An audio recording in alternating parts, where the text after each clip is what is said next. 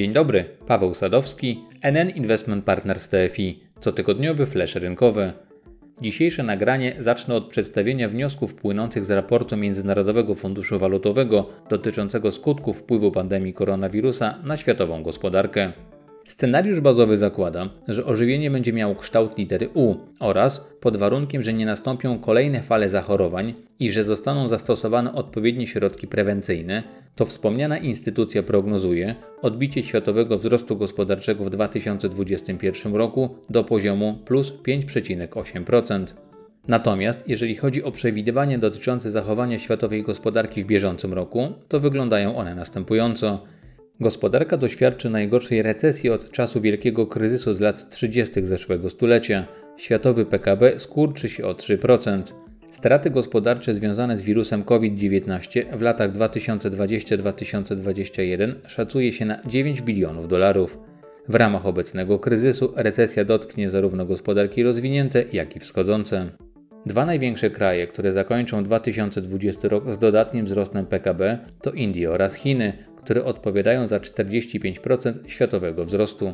Natomiast w przeważającej części pozostałych państw wzrost będzie ujemny.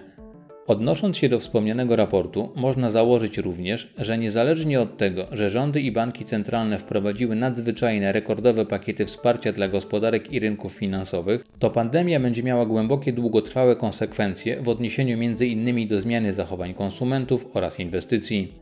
We wszystkich miejscach na świecie ludzie zadają sobie teraz to samo pytanie: kiedy znów będzie normalnie? Niewykluczone nawet, że niektórzy z nas zadają je sobie po raz pierwszy w życiu, zastanawiając się przy okazji, co stoi za katastrofą naszego status quo oraz próbują wyobrazić sobie nową, lepszą normalność. Wydaje się, że większość społeczeństwa rozumie, że kryzys zdrowotny, który jest fundamentem turbulencji gospodarczych i finansowych, nie przyszedł znikąd. Nawet ludzie, którzy dotychczas nie bardzo przejmowali się kwestią środowiska i koncentrowali się głównie na szeroko pojętym wzroście gospodarczym, zaczynają rozumieć, że nasze relacje z naturą stały się problemem. Dodatkowo, coraz bardziej słyszalne stają się głosy, że efektywność kosztowa nie może być jedynym kryterium podejmowania decyzji konsumenckich czy gospodarczych, gdyż na dłuższą metę staje się to niebezpieczne i bywa nieetyczne. Wpływ koronawirusa na brak dostępu do gotowych produktów oraz części, wytwarzanych szczególnie w państwie środka, uwidoczni uzależnienie globalnej gospodarki od alokacji produkcji w jednym konkretnym regionie świata. Ten problem dotyczy wielu branż i w przyszłości, niezależnie od rodzaju kryzysu, może prowadzić do załamania cykli produkcyjnych na całym świecie, wzrostu cen i inflacji, a nawet globalnego kryzysu. Do tego dochodzą jeszcze pojawiające się co jakiś czas wątpliwości odnośnie do braku poszanowania i łamania prawa pracowniczego w tamtejszych fabrykach oraz informacje o tym, że produkcja okupiona jest ponadprzeciętnym zanieczyszczeniem środowiska. Dlaczego wspominam o tym wszystkim? Bo właśnie to wszystko może wzmocnić i utrwalić tendencje dotyczące tzw. Tak inwestycji społecznie odpowiedzialnych, które w ostatnich latach stały się istotną częścią procesu inwestycyjnego największych firm zarządzających aktywami oraz inwestorów instytucjonalnych. Wspominałem o nich wielokrotnie w poprzednich podcastach. Dla przypomnienia, to skrót ESG oznaczający inwestycje społecznie odpowiedzialne jest akronimem trzech angielskich słów określających czynniki, w oparciu o które tworzone są ratingi oraz oceny pozafinansowe np. przedsiębiorstw. W ich skład wchodzi środowisko, społeczna odpowiedzialność oraz ład korporacyjny, a głównym celem jest dostarczenie inwestorom możliwości porównania na jednej płaszczyźnie alternatywnych kierunków inwestowania poprzez analizę tych trzech parametrów. Aktualnie oferta tego typu produktów dostępnych na rynku polskim jest niewielka. NN Investment Partners TFI jest jednym z nielicznych podmiotów mających takie rozwiązania. Klienci mogą wybierać pomiędzy następującymi funduszami, dla których bazą są właśnie aktywa społecznie odpowiedzialne, a mianowicie NN Globalny Odpowiedzialnego Inwestowania, NN Polski Odpowiedzialnego Inwestowania oraz NN Indeks Odpowiedzialnego Inwestowania. Na koniec słów kilka o tym, czy tego typu aktywa powinny znaleźć się w portfelu inwestora, który szuka możliwości generowania dodatniej realnej stopy zwrotu. A zważywszy na ponadprzeciętną, ujemną różnicę pomiędzy aktualną stopą referencyjną w Polsce a inflacją, wspominałem o tym w ostatnim nagraniu, to grono takich inwestorów powinno być dość znaczne. Akcje pozostają najlepszą inwestycją chroniącą przed inflacją. W ciągu ostatnich 120 lat akcje zapewniły w skali globalnej 5,2% średniorocznego zysku ponad inflację, podczas gdy obligacje zaledwie 2%. Ostatnia dekada na rynkach akcji była wyjątkowo pomyślna. Średniorocznie dały one zarobić 7,6%, podczas gdy obligacje 3,6%.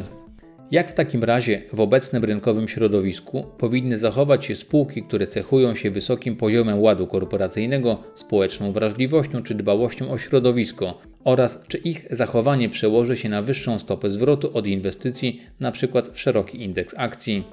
Po pierwsze, wychodząc z założenia, że inwestowanie nie jest działalnością charytatywną, to warto podkreślić, że produkty, dla których bazą są inwestycje społecznie odpowiedzialne, charakteryzują się wyższym zyskiem ważonym ryzykiem. Innymi słowy, posiadając aktywa tego typu, minimalizujemy ryzyko gwałtownego załamania notowań inwestycji z uwagi na problemy wizerunkowe, środowiskowe czy korupcyjne. Po drugie, to perspektywiczne, jakościowe i ekspansywne podejście do inwestowania, takie, które bada scenariusze co jeśli, a mniej polega na wynikach osiąganych w przyszłości oraz na danych historycznych, jako modelu do prognozowania przyszłych wyników, wydaje się nie do przecenienia, zwłaszcza w aktualnym rynkowym otoczeniu. Po trzecie, badania potwierdzają, że stosowanie odpowiednich zasad ESG nie polega wyłącznie na robieniu właściwych rzeczy czy przestrzeganiu przepisów, jest to również korzystne finansowo.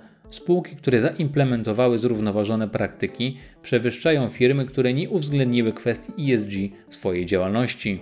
A to z kolei powinno zostać uwidocznione w lepszym zachowaniu wycen aktywów społecznie odpowiedzialnych w porównaniu do zachowania np. szerokiego indeksu akcji.